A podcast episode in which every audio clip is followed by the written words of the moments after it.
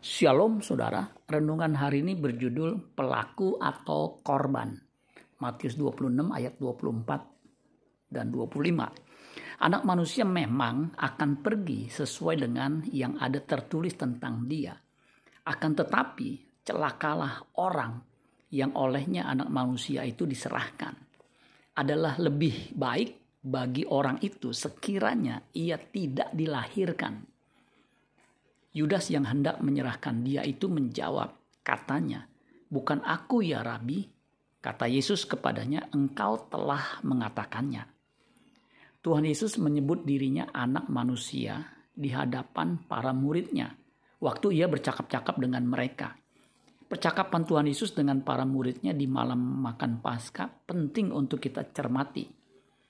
Matius 26 ayat 21 dan ketika mereka sedang makan ia berkata Aku berkata kepadamu, sesungguhnya seorang di antara kamu akan menyerahkan aku.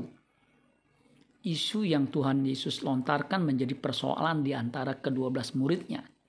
Lukas 22 ayat 22 sampai 23 dikatakan, sebab anak manusia memang akan pergi seperti yang telah ditetapkan.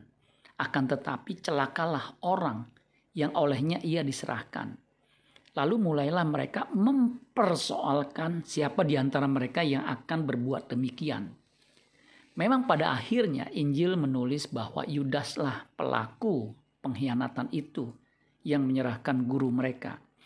Yudas melakukan hal itu karena dia anak iblis. Lukas 22 ayat 3. Maka masuklah iblis ke dalam Yudas yang bernama Iskariot, seorang dari kedua belas murid itu. Tuhan Yesus jadi korban kejahatan dari salah satu muridnya sendiri.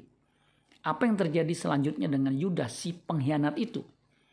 Yudas melemparkan uang upah hasil pengkhianatannya dan gantung diri. Akhirnya mati dengan perut terburai sehingga semua isi perutnya keluar semua.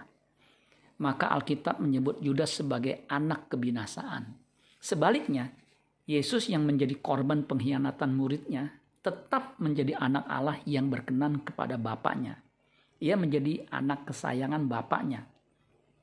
Orang percaya janganlah menjadi pelaku kejahatan, perpetrator. Karena pelaku kejahatan adalah anak setan yang akan binasa di kekekalan. Lebih baik jadi korban, victim, yang memiliki respon seperti Yesus karena ia akan menjadi anak kesukaan Bapak. Amin buat firman Tuhan. Tuhan Yesus memberkati. Sola Gracia.